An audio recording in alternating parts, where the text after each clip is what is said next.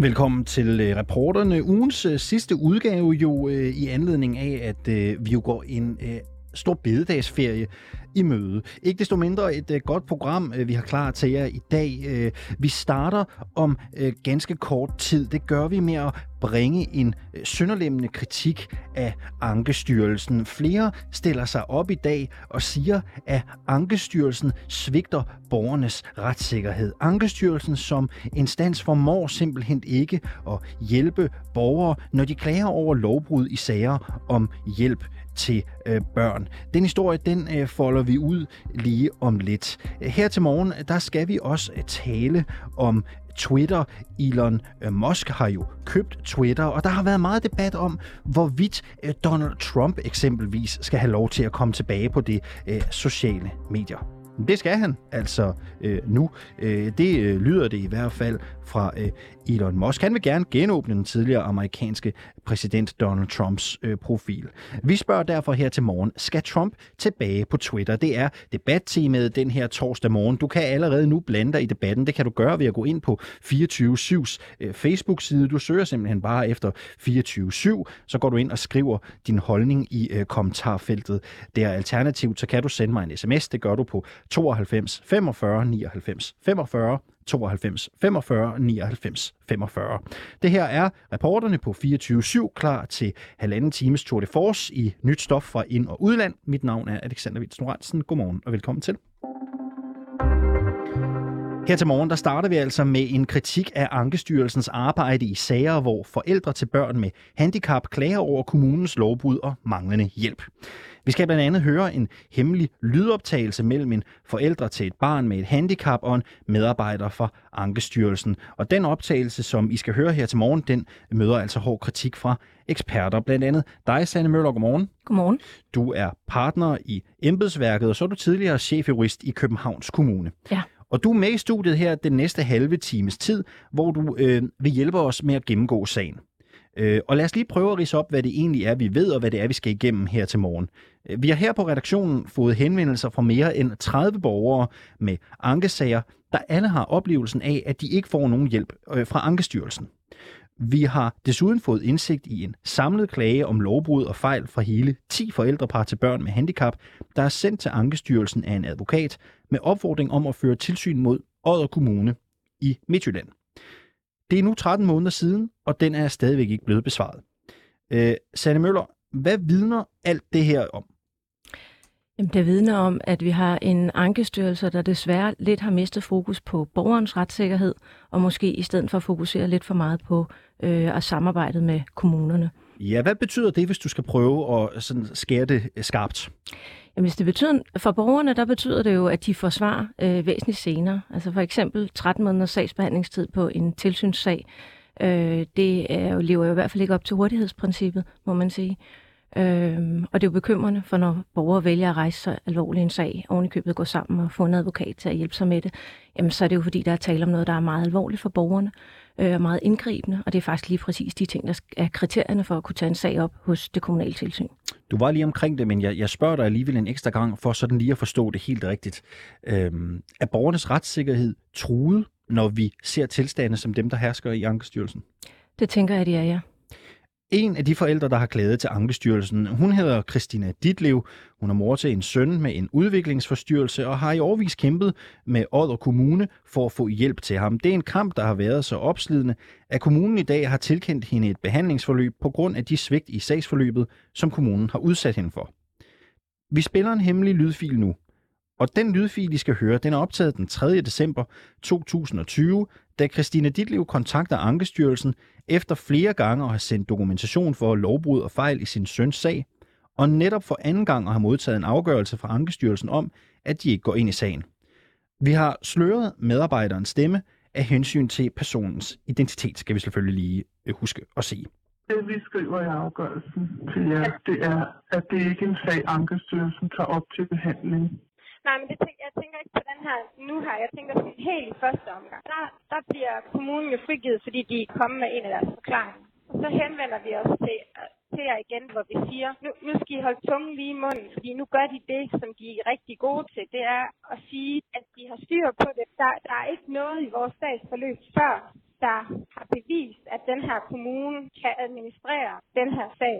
Og der er Men ved du hvad? At klage over kommunens sagsbehandling, det har vi ikke noget at gøre med. Det er, Nej. det er rettet til, til borgmesteren i kommunen. Det Ja. går vi ikke ind i. Men problemet er jo, at som vi også skriver til jer, at det er borgmesteren jo sådan set ligeglad med. I har, tro, I har tiltro til, at kommunen de godt kan finde ud af at håndtere vores sag. Og I tror på, at nu bliver alt godt, fordi at nu har han fået en specialskoleplads. Og det, der er lidt bekymrende, det er jo, at kommunen kunne ikke engang finde ud af at fortælle den her nye specialskole, at han skulle starte der. Det, det blev vi som forældre selv nødt til at fortælle skolen. Men, men jeg bliver nødt til at, at sige til dig, det her det er ikke en sag, Ankestyrelsen tager op til behandling efter servicelovens paragraf 65. Vi kan tage en sag op, hvis vi for eksempel vurderer, at her er så bekymrende forhold hjemme i et hjem, så vi faktisk tænker, at barnet skal anbringes. Det er sådan en sag, vi kan tage op.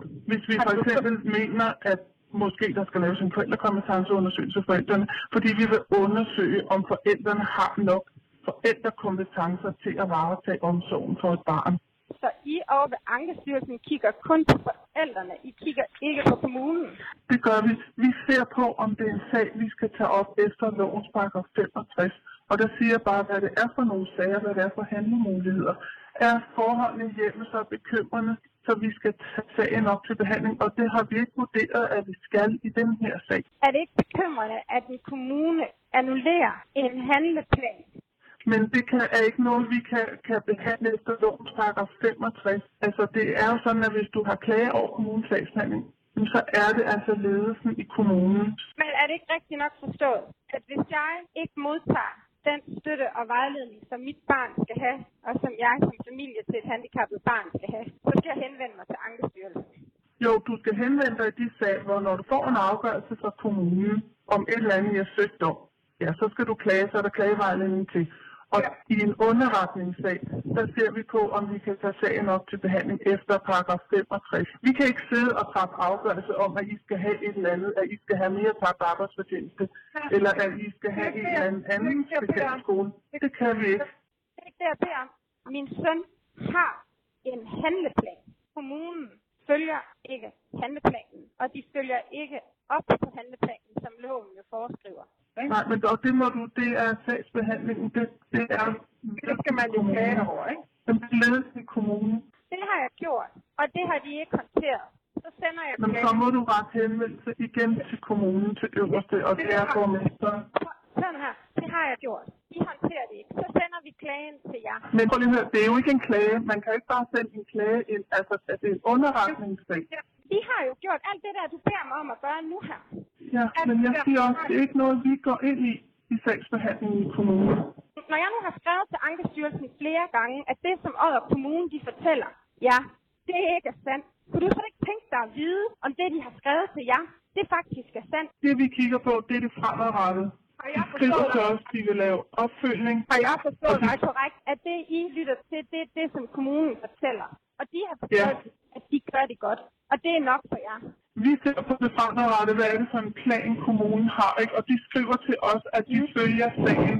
Så når, når de skriver til jer, at vi får en autismekonsulent, og autismekonsulenten starter i december, så er det godt nok for jer. Også selvom, at jeg så fortæller dig, kommunens sagsbehandler så har kontaktet autismekonsulenten og sagt, at det kunne hun godt tænke sig lige at udsætte ved at lige holde lidt møder også og sådan noget. Så nu kommer vi ikke til at kan starte før efter jul. Nøjagtigt som det plejer at være. Mm-hmm. Okay. Ja. Men altså, vi kan kun lægge vægt på det, kommunen siger. Det er det, vi læser, og det er det, vi også forudsætter. Så jeg har også forstået dig korrekt, at du siger, det er godt nok for jer, at kommunen siger, at de vil lave en handleplan. Selvom I ved, I ved som, som en faktuel ting, at den, den handleplan, den har kommunen ulovligt annulleret og haft annulleret i over et halvt år, og I har givet dem arbejdsro til det ved ikke at øh, henvende jer tilbage på den henvendelse, som vi har sendt til jer, hvor vi bad jer om hjælp. Så derfor Ja. har kommunen haft arbejdsro i et halvt år. Det, det, jeg siger til dig, det er, det er en sag, hvor vi ikke finder anledning til at behandle sagen efter lovens paragraf 65. Og ellers klage over sagsbehandling, det er kommunens ledelse. For jeg har jo klaget over kommunen. Jamen, så må du klage igen. Altså, jeg har jo henvendt mig til jeg har henvendt mig til kommunens ledelse, jeg har henvendt mig til jer. Ja. I ved, og Men altså, det er ikke en sag, vi går ind i. Altså, det beklager jeg meget. Altså, og jeg tror også, du måske tænker, at vi kan en masse. Det, altså, vi kan ikke blande os i sagsbehandlingen. Hvad synes du, vi skulle have gjort, hvis vi tager den her sag på møde ind i Ankestyrelsen med, med beskikkelse af advokater og alt muligt? Jamen, du må meget undskylde. Altså, jeg har bare forstået loven sådan, at man ikke bare måtte annullere en, øh, en øh, handleplan. Selve sagsbehandlingen, og det kan være noget med en handleplan, de ikke følger. Det er jo kommunen. Vi lægger vægt på, at kommunen skriver til os, hvad de fremadrettet gør. Det de selvfølgelig følge og give det støtte, der er behov for. Nu spørger jeg dig bare. Du sidder inde ved Ankestyrelsen. Du ved, at jeg er en ganske almindelig borger, men jeg er mor til et handicappet barn.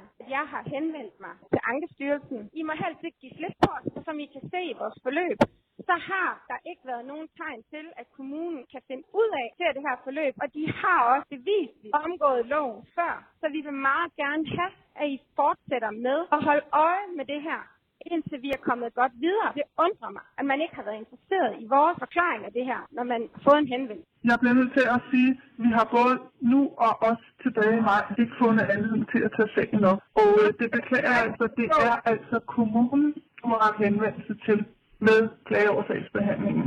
Ja, Sanne Møller, du er partner i embedsværket, og så er du tidligere chefjurist i Københavns Kommune. Hvad er din umiddelbare reaktion på det, du hører her? Er det medarbejderen fra Ankestyrelsen, det som der bliver sagt, er det rigtigt? Nej, det er det ikke. Øh, den paragraf 65, der henvises til i serviceloven, det er sådan en underretningsbestemmelse, som findes for at være øh, ventil i de få sager, heldigvis, hvor at, øh, borgere oplever, at kommunen overhovedet ikke øh, iværksætter nogen hjælp eller laver handleplaner eller lignende. Der findes der en paragraf 65, øh, hvor man kan klage direkte til Ankestyrelsen, og så kan Ankestyrelsen tage sagen op. Øh, det hun beskriver er, at det er i tilfælde, hvor man kan anbringe, og øh, den her bestemmelse er altså temmelig meget bredere end det. Det kan man også se, hvis man går ind på Ankestyrelsens egen hjemmeside. Der står, at de blandt andet kan pålægge kommunen at lave en handleplan, det er jo det, de taler om her, øh, og de kan pålægge kommunen at træffe afgørelser øh, om forskellige ting, og det er jo lige præcis det, borgeren efterlyser her. Ja, det jeg spørger dig om her, bare ganske kort til sidst, det er jo ikke for at hænge en konkret medarbejder ud, men er det uvidenhed, eller er det dit indtryk, at der er tale om en praksis, hvor man altid giver kommunerne ret?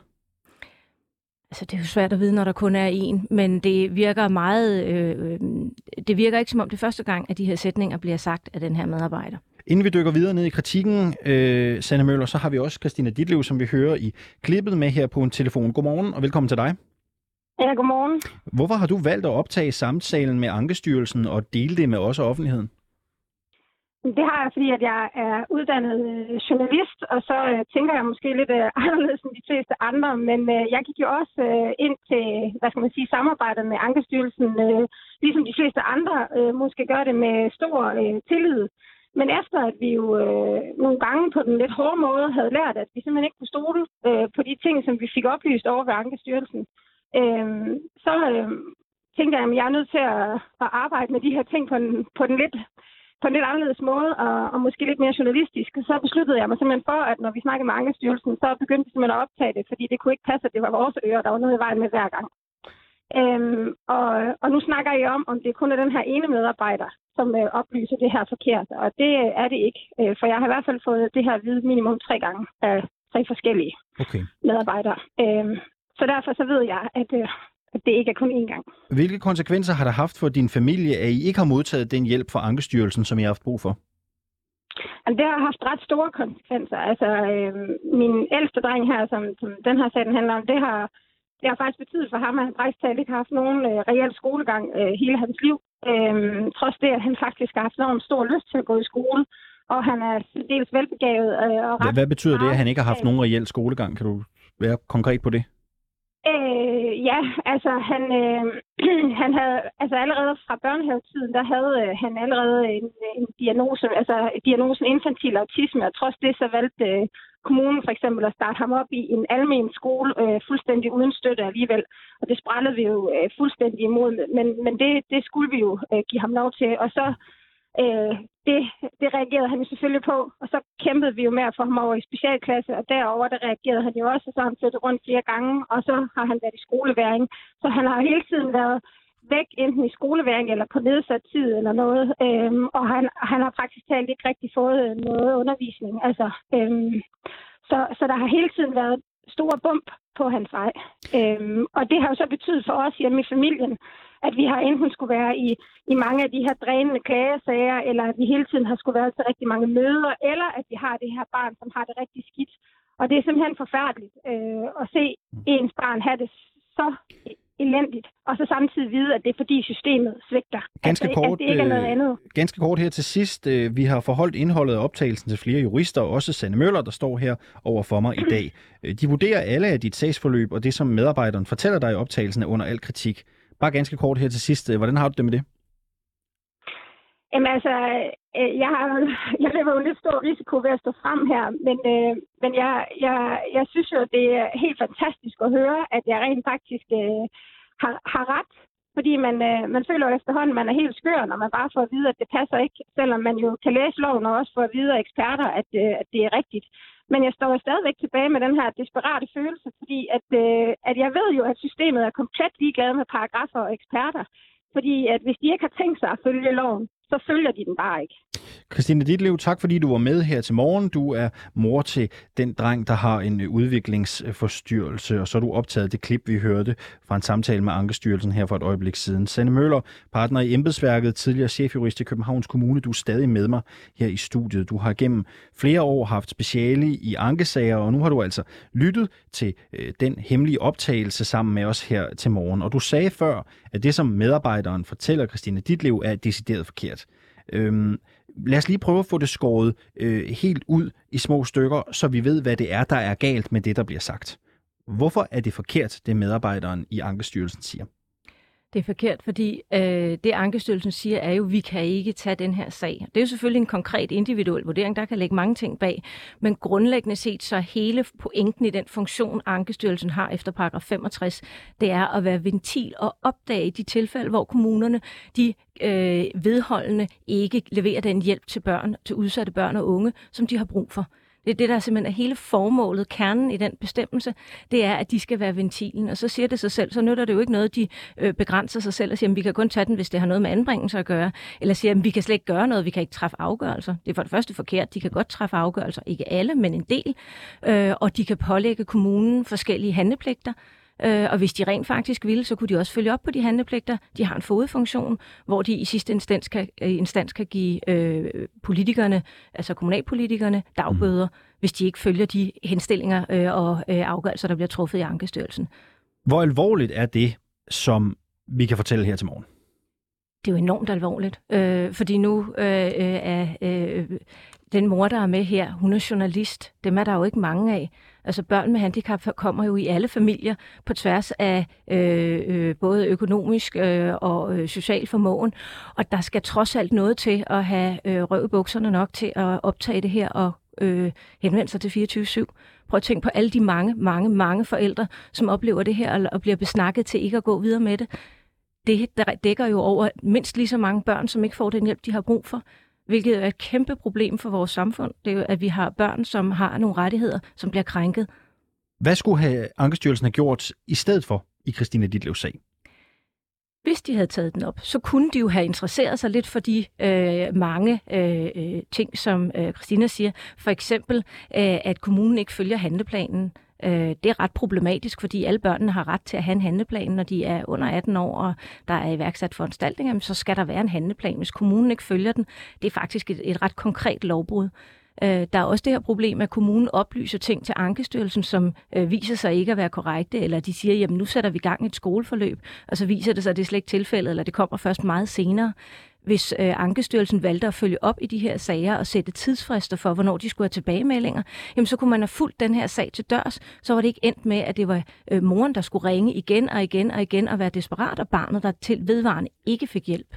Du har undersøgt Ankestyrelsens arbejde løbende og har blandt andet søgt agtindsigt i, hvor mange tilsynssager Ankestyrelsen selv har taget op. Hvad fandt du ud af? Ja, det var et rundt nul.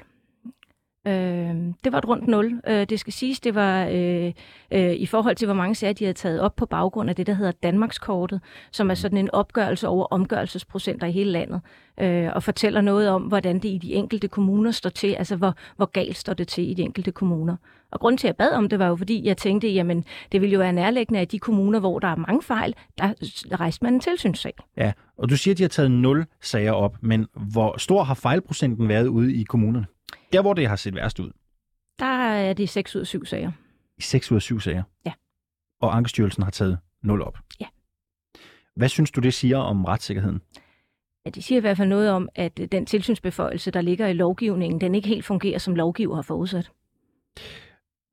Mener du, at Ankestyrelsen svigter borgernes retssikkerhed?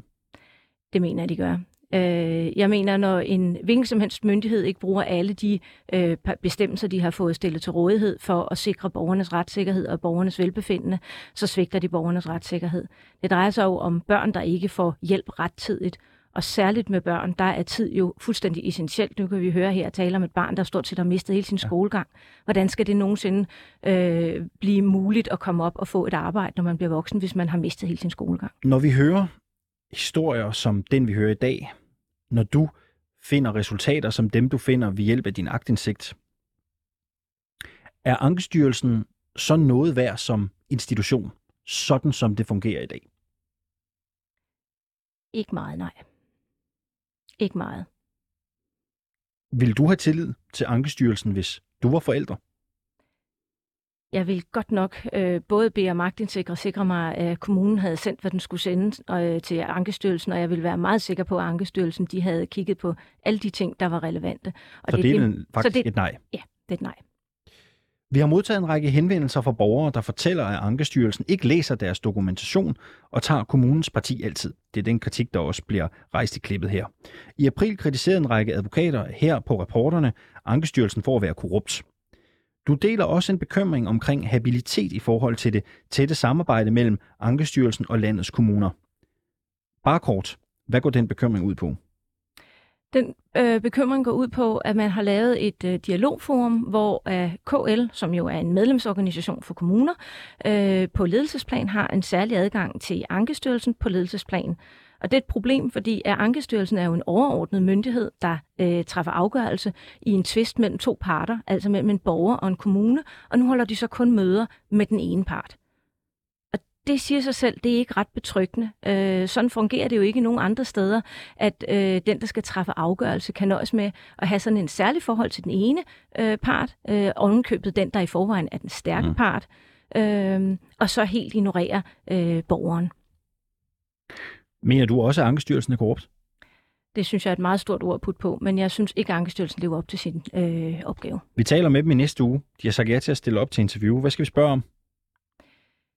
I skal spørge om... Ja, det er faktisk et godt spørgsmål. Der er mange spørgsmål, øh, man kan stille til Ankestyrelsen. Du kan også bare sende dem til os på en mail, hvis det er lettere. Ja, det vil jeg gerne. Men jeg vil sige, I skal i hvert fald interessere jer rigtig meget for øh, de er mange afgørelser, hvor man ikke kan se øh, borgerens stemme i afgørelserne. Godt. Sanne Møller, partner i embedsværket, tidligere chefjurist i Københavns Kommune. Tak fordi du kom her til morgen. Vi har selvfølgelig forholdt Ankestyrelsen kritikken, som vi bringer her til morgen, og de stiller altså op til et interview i næste uge. Så siger jeg også, at så sent som her til morgen, morgen, der fik vi en henvendelse fra den politiske chef i Muskelsvindfonden. Øh, han skriver, at Ankestyrelsen har gjort det sværere at leve et godt liv, når man på grund af handicap har brug for offentlig hjælp. Forretningsmanden og milliardæren Elon Musk, der ejer rumfartsselskabet SpaceX og elbilselskabet Tesla, har købt det sociale medie Twitter for intet mindre end 305 milliarder kroner. Og nu har Musk sagt, at han vil genåbne den tidligere amerikanske præsident Donald Trumps profil. Den valgte Twitter ellers at lukke under angrebet mod kongressen 6. januar i år.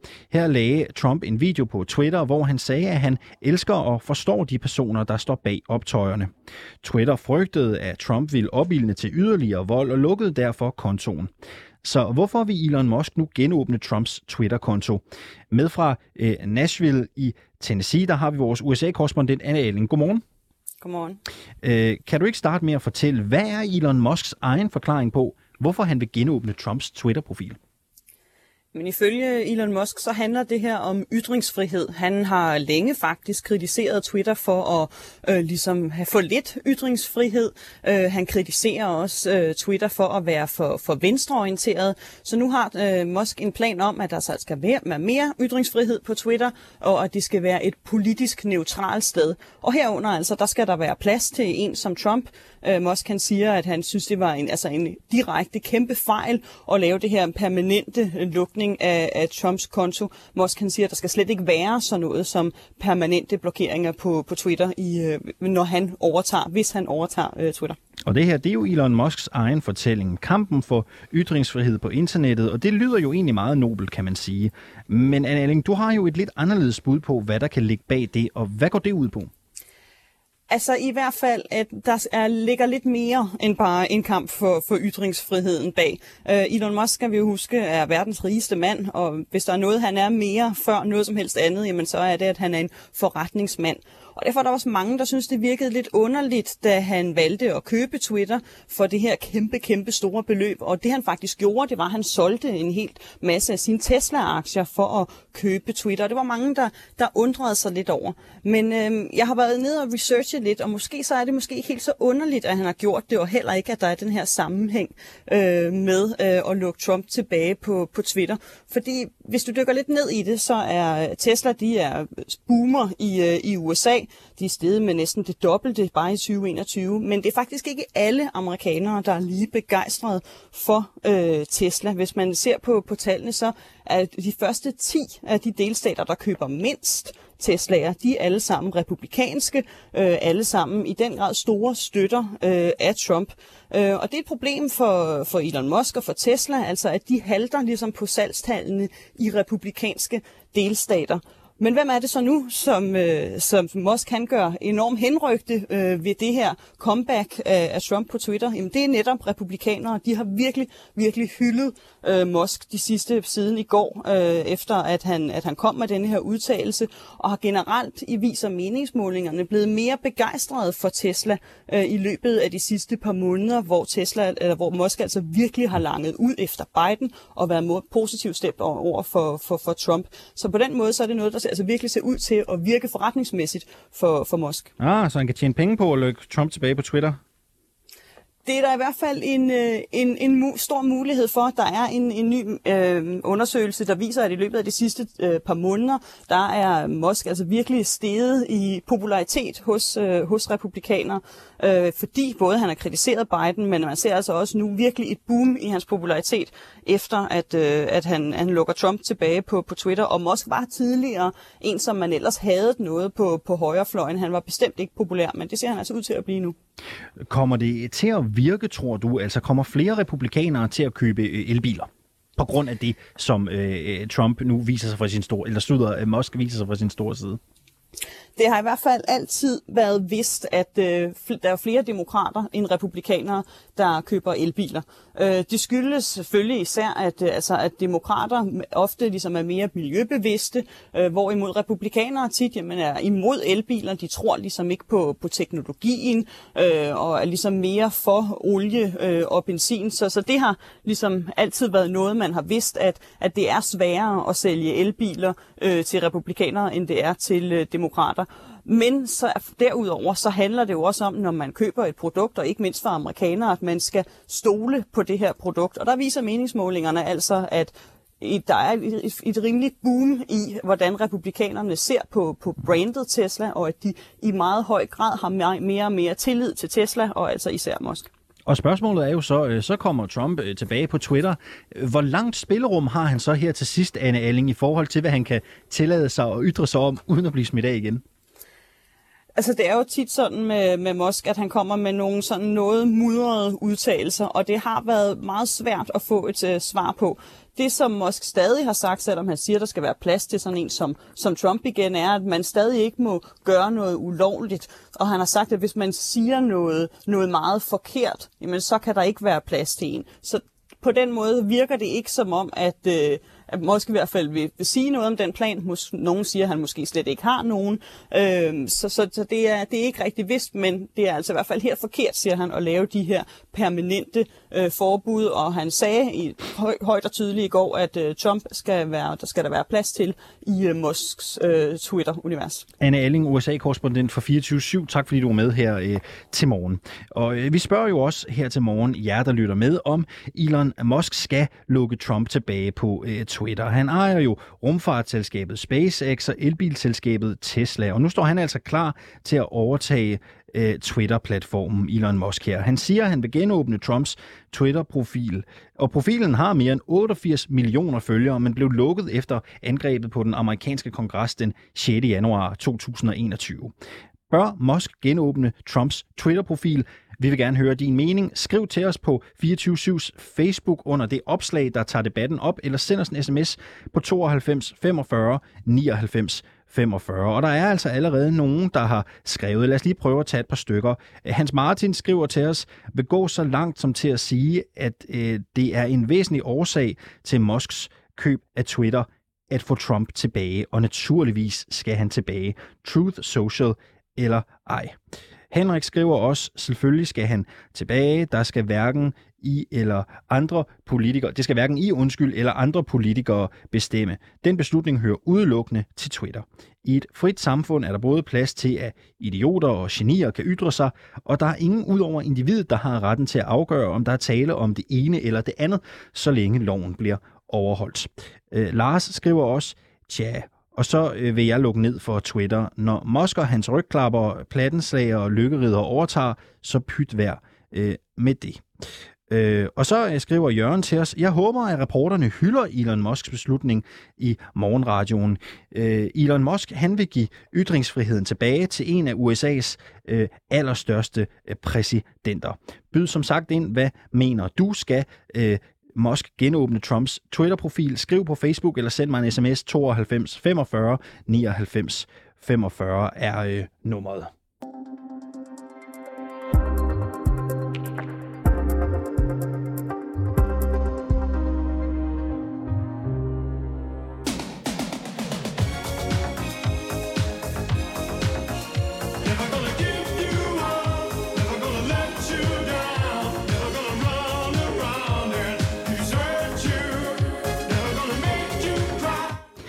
Never gonna give EU up, never gonna let EU down.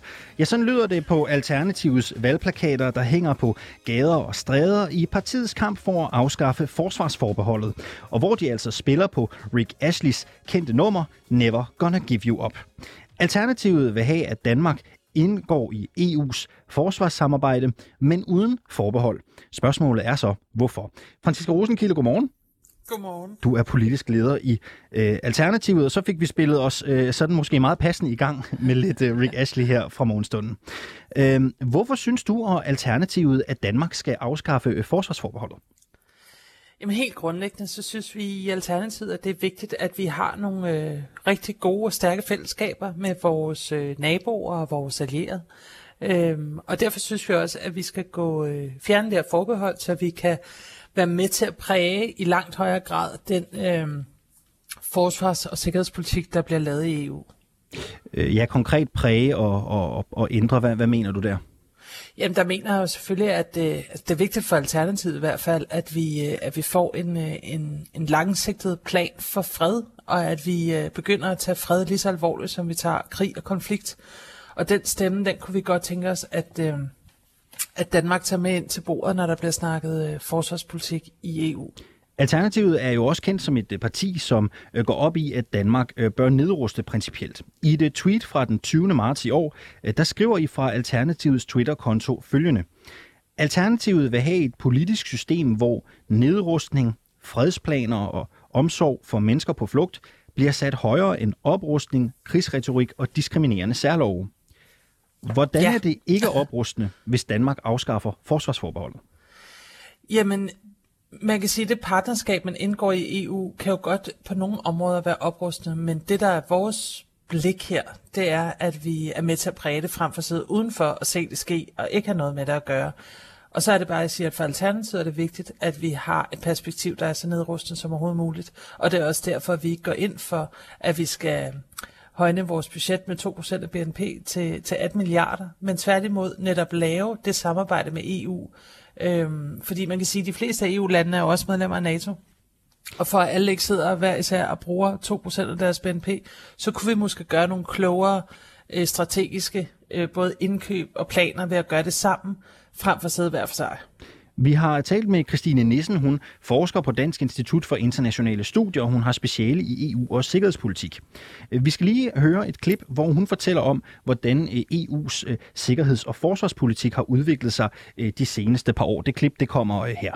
Der er i de senere år i EU, øh, og det er blevet endnu mere udtalt efter Putins krig i Ukraine, et stigende fokus på, at EU's forsvars- og sikkerhedspolitik skal bruges til at beskytte det europæiske kontinent og dets borgere. Så hvor at EU, da man fik en forsvars- og sikkerhedspolitik i slut 90'erne, start 0'erne, var den meget fokuseret på at, øh, at sprede fred og europæiske værdier i, i fjerne lande, uden for Europa, så er den i stigende grad øh, blevet et spørgsmål om, at, at man i højere grad skal, skal kunne beskytte Europa og Europas nærområde. Øh, så EU er gået, kan man sige, fra at være en, en fredsaktør til øh, i stigende grad en, en sikkerhedsaktør, når det kommer til forsvars- og sikkerhedspolitikken.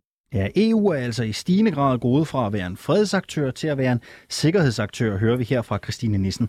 Hvordan hænger det sammen med dine bevæggrunde for, hvorfor Danmark skal afskaffe forsvarsforbeholdet?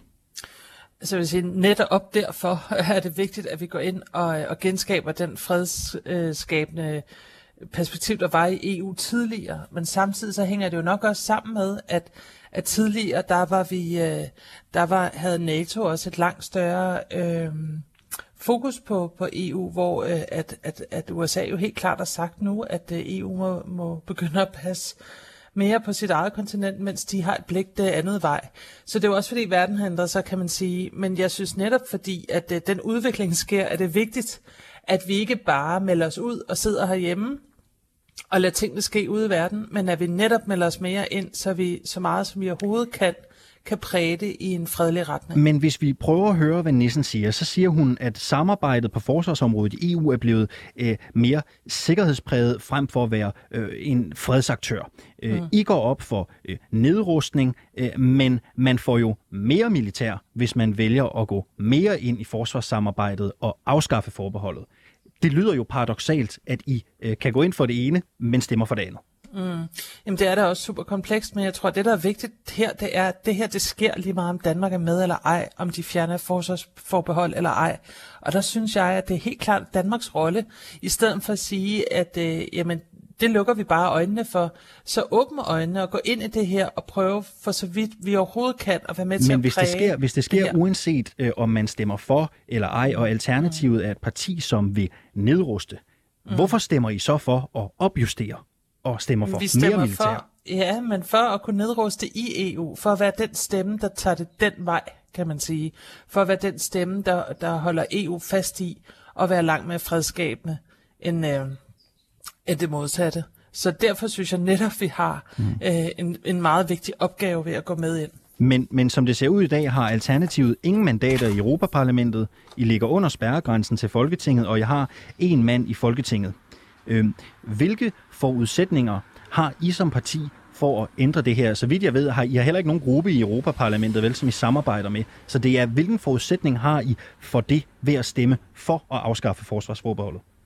Jamen, vi har den stemme, ligesom alle andre har i den her debat her, øhm, og det har vi jo også i Folketinget, fordi det er jo det danske Folketing, der skal, der skal beslutte, hvad danske soldater, hvad Danmark skal. Øh, det bliver afgjort i Folketinget. Og, øh, og der har vi jo trods alt stadig et mandat, og mm-hmm. forhåbentlig mange flere efter næste folketingsvalg. Men det bliver vel Venstre eller Socialdemokratiet, måske konservative, det ved man jo aldrig, som kommer til at sidde nede i rådet i Bruxelles og forhandle, øh, hvorvidt vi skal indgå militært i operationer eller ej, hvis vi afskaffer det forsvarsforbehold. Så, så hvilken stemme har I reelt? Jamen, som du siger, og som jeg lige har sagt, så er det jo en stemme, som vi har i, uh, i det danske folketing og i den offentlige debat, og det er den, jeg bruger. Øhm, forsvarssamarbejdet øh, skal vi lige tale lidt mere om her. Vi skal tilbage til Nissen her, øh, Christine Nissen. Vi skal høre en bid mere fra interviewet om, hvordan EU's forsvarssamarbejde bliver brugt til at sikre EU's grænser, også over for migranter. Prøv at lytte med her inden gang. EU's øh, forsvarspolitik, øh, herunder EU's øh, militære operationer, er i stigende grad begyndt at have et migrationsfokus, som kom efter migrationskrisen i 2015. Blandt andet har der været indsat øh, en militær operation i, øh, i Middelhavet, en maritim militær operation i Middelhavet, Operation Sofia, som kom efter øh, flygtningekrisen i, i 2015, som havde fokus på at destruere øh, ruter for menneskesmugling, øh, og dermed også havde det et, et migrationsbegrænsende fokus. Øh, så, så, øh, så den øh, havde også fokus på at redde nogle af de migranter, som øh, missionen øh, samlede op på dens vej, øh, men, øh, men efterfølgende blev øh, de her gummibåde, som, som migranterne kom i, øh, destrueret, øh, og man søgte, og så vidt muligt øh, var missionens fokus at øh, og destruere muligheden for, for menneskesmugling, for transport øh, øh, på det her stykke, og dermed også alt andet lige i sidste ende migration til, øh, til Europa. Vi ser også, hvordan andre øh, EU-operationer, for eksempel i Sahel-området, øh, har fået et nyt fokus efter 2015-16 stykker, som handler om øh, migration og herunder at begrænse migration til, til Europa. Så det er øh, blevet en, en ny del af, af øh, EU's øh, missioner. Ja, vi hører her, hvordan EU's forsvarssamarbejde bliver brugt til at vanskeliggøre mulighederne for øh, migranter kommer til Europa, blandt andet ved at destruere migranters gummibåde. Hvordan hænger det sammen med Alternativets politik? Det hænger bestemt ikke særlig godt sammen med Alternativets politik, øh, og igen kan jeg kun se det som et argument for at, øh, at gå mere ind i, øh, i samarbejdet for at ændre de her ting. Fordi igen, der er kæmpe migrationsudfordringer øh, udfordringer i verden, fordi vi ikke løser de konflikter, der er ordentligt, fordi det ikke er en global færre verden. Og det skal vi være med til at løse. Øhm, og det, det bliver i hvert fald ikke bedre af, at vi holder os udenfor. Og det er meget vigtigt for mig at sige, at i Alternativet synes vi jo ikke, at EU er på nogen måde perfekt.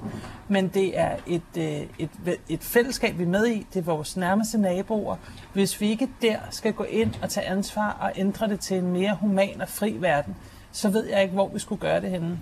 Så selvfølgelig er der masser af ting, som EU øhm, ikke gør på den rigtige måde. Og det er da derfor, at vi skal gå med ind og præge det så meget, som vi overhovedet kan, så vi i fællesskab får løst de store migrationsproblemer, så vi forhåbentlig på sigt kan starte med at genopbygge nogle af de steder i Nordafrika, som, som øh, trænger til at, øh, at få nogle muligheder for deres Men, men det, er jo ikke, det er jo ikke nogen garanti. Hvis nu Alternativet øh, stemmer ja til at afskaffe forsvarsforbeholdet, det er det, vi ender med, og vi stadigvæk ser mere krig øh, ude i verden, og vi ser øh, migranter, hvis gummibåde bliver destrueret på vej over øh, verdenshavene, øh, så er det jo også noget, I har lagt stemme til. Hvordan har du det med det?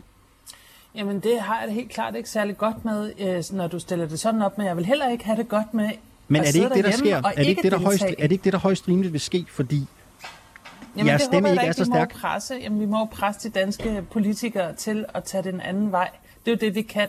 Omvendt, så hvis vi ikke, hvis vi ikke stemmer ja til at fjerne forsvarsforbeholdet, så kan vi sidde herhjemme og se de ting ske, uden at deltage, uden at tage ansvar, uden at være med til at prøve at ændre verden til en mere øh, human verden og fredsstyrkende øh, verden. Men det, jeg hører er dig sige her- ikke et, et godt alternativ. Men det, jeg hører dig sige, er også, at det meget vel kan være, at Alternativet lægger stemmer til at droppe forsvarsforbeholdet, og vi står i en situation med mere krig i Europa, mere krig i verden og øh, dårligere forhold for øh, øh, migranter, der forsøger at komme til Europa. Det er jo også en mulighed. Men det er jo derfor, vi skal gå med ind for at ændre det. Men, men det er jo ikke sikkert, du kan ikke, det. Jamen, vi kan i hvert fald ikke ændre det, hvis vi ikke prøver. Hvis vi ikke går med. Øh, og det er ligesom det, vi står over for nu. Vi ved jo ikke, hvad der kommer til at ske i, i fremtiden. Men det, vi kan beslutte helt principielt, det er, ønsker vi at være med til at præge øh, udviklingen og det, der sker, eller vil vi hellere bare sidde herhjemme i trygge Danmark? Og der mener jeg, at det er vigtigt, at vi går med ind i denne her meget, meget uperfekte verden og prøver at ændre den så meget vi kan til, at vi øh, får mere global lighed, klimakriser, og at vi får en bedre verden og mere fred. Øh, godt. Lige her til sidst, inden du løber, øh, Franziska Rosenkilde. Jeg talte med Michael Monberg i går, jeres nye dyrerettighedsordfører. Han sagde, at øh, det måske ikke ville være tosset, hvis øh, Alternativet og Veganerpartiet slog sig sammen. Hvad tænker du egentlig om det? Nå, spændende. Jamen altså, øh, alt hvad der kan styrke den grønne sag, det er jeg med på. Så det udelukker du ikke? Nej, jeg udelukker ikke noget, hvad der angår at, øh, at styrke den grønne sag. Vi har brug for at samle alle de kræfter, der arbejder for, øh, for at finde løsninger på klimakrisen. Mener du, det er en god idé, hvis Alternativet og øh, Veganerpartiet gik sammen? Det er ikke en diskussion, som, som jeg har lyst til at tage i medierne. Den tager jeg med Veganerpartiet. Franziska Rosenkilde, tak fordi du var med her til morgen. Velkommen. Politisk leder i Alternativet. Karkirurgien i Region Midtjylland skal vi til nu. Den er under pres, det har vi talt om her på reporterne længe. Ser man på ventetiden for særlige karkirurgiske operationer på Aarhus Universitetshospital og sammenligner med samme behandling i København, bliver presset tydeligt. I Aarhus skal man vente mindst tre måneder på en særlig type operation, der i København kan tilbydes inden for to uger. Det viser ventetiderne for Aarhus Universitetshospital og Rigshospitalet ifølge hospitalerne selv. I en ekstern analyse af Region Midtjyllands karkirurgi står der, at en anden type operation har ventetid på 6 måneder. Ifølge rapporten er det ikke forsvarligt. Sundhedsstyrelsen lægger nu ifølge Jyllandsposten op til, at Region Midtjylland skal have frataget sin tilladelse til at foretage netop den type operationer. Og her drejer det sig altså om operationer, der indebærer udposninger på pulsårer i mave- og brystregionen. Jakob Butz Lili, godmorgen og velkommen til dig. Ja, godmorgen. Du er formand i Karkirurgisk Selskab, og så er du overlæge på Aarhus Universitetshospital. Hvilke konsekvenser har den lange ventetid på den her slags behandling? Øh, Jeg synes, den konsekvens er faktisk den uro og angst for patienten øh, med den ventetid. Men det, er- det, og det er også svært at måle. Men øh, Kan det have livstruende konsekvenser med så lang ventetid? ja, det kan det selvfølgelig godt. Øhm, øh, hvis man venter for længe, så, det, så risikerer man, at et, et, et eller rumperer. Øh, men jeg er glad for, at du spørger det på den måde, fordi i bund og grund, øh, det, det handler om, om det er godt nok. Og det er svært, øh, hvis man spørger en patient. Jeg tror, det, det er det, at man er bange. Og det er svært at måle. Men jeg synes, det er, jeg vil ikke sige den mest alvorlige konsekvens, men det er i hvert fald den hyppigste. Du siger, at det kan have livstruende konsekvenser. Du er selv overlæge på Aarhus Universitetshospital, så, så jeg bliver også nødt til at spørge dig, er det sket på Aarhus Universitetshospital, altså at det har kostet liv? I den ventetid, det er ikke uafmindeligt, at uh, det er nogen, der, der er en udposting, der springer. Og, og jeg ved ikke, hvad tallet er. Og jeg er også ret sikker på, at det er sket også andre steder. Uh, men, men det sker. Men har det kostet liv på Aarhus Universitetshospital? Um, ja, der er nogle patienter, der har ventet for deres behandling, uh, hvor deres udposting uh, går i stykker, og det er nogen, der er døde. Hvor mange? Det ved jeg faktisk ikke. Øh, det, vil, det kan man finde ud af, hvis man går til ved tid, og det er et spørgsmål om, hvornår det er sket, øh, og i hvilken sammenhæng med den ventetid. Men, øh, men, men som sagt, det sker alle steder, og øh, det, det er ikke helt usædvanligt. Øh, Det er mere om du ved, om, det, om vi taler om øhm, sådan få liv, eller om det er, er mange liv, det har kostet på Aarhus Universitetshospital. Har, har du et bud på det? nej, det er ikke mange liv, nej. Okay.